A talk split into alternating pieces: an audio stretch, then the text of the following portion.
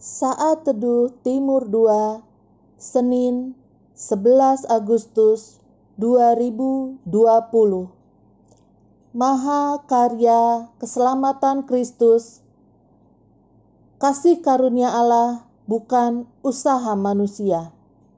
Bacaan Alkitab dari Efesus 2 ayat 1 sampai 10 Tetapi Allah yang kaya dengan rahmat oleh karena kasihnya yang besar yang dilimpahkannya kepada kita telah menghidupkan kita bersama-sama dengan Kristus.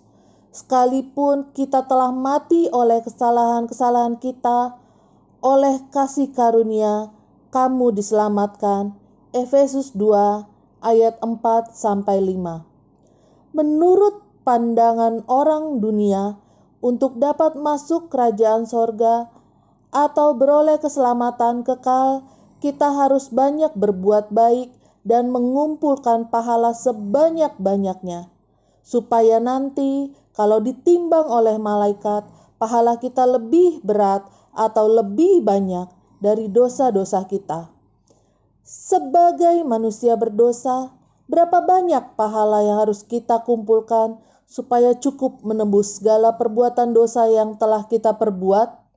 Sampai kapan pun kita takkan mampu.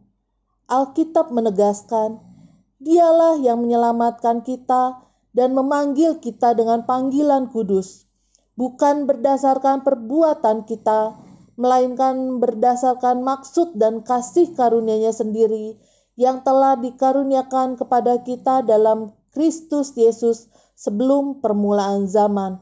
2 Timotius 1 ayat 9 jelas sekali bahwa keselamatan adalah anugerah, kasih karunia Tuhan semata, bukan hasil usaha kita. Untuk beroleh kasih karunia atau anugerah Tuhan ini, tidak ada jalan lain selain percaya kepada Yesus Kristus sebagai Tuhan dan Juru Selamat. Sebagai orang berdosa, Seharusnya kita sendiri yang bertanggung jawab menanggung dosa yang kita perbuat.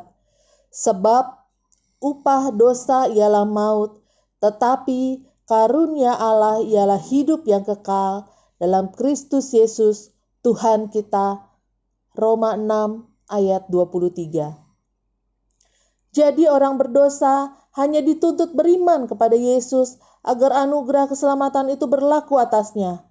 Sebab jika kamu mengaku dengan mulutmu bahwa Yesus adalah Tuhan dan percaya dalam hatimu bahwa Allah telah membangkitkan dia dari antara orang mati, maka kamu akan diselamatkan.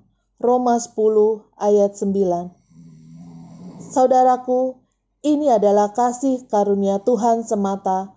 Jika kita manusia berdosa menerima apa yang seharusnya tidak patut kita terima, maka tidak selayaknya kita yang telah menerima kasih karunia keselamatan itu memegahkan diri sendiri.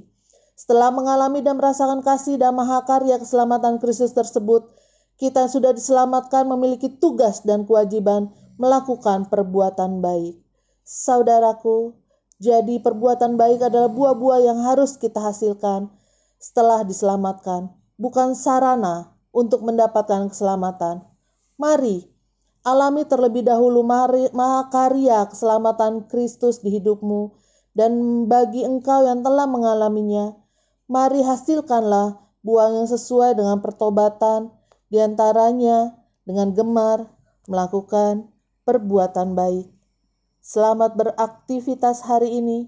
Tuhan Yesus memberkati kita semua.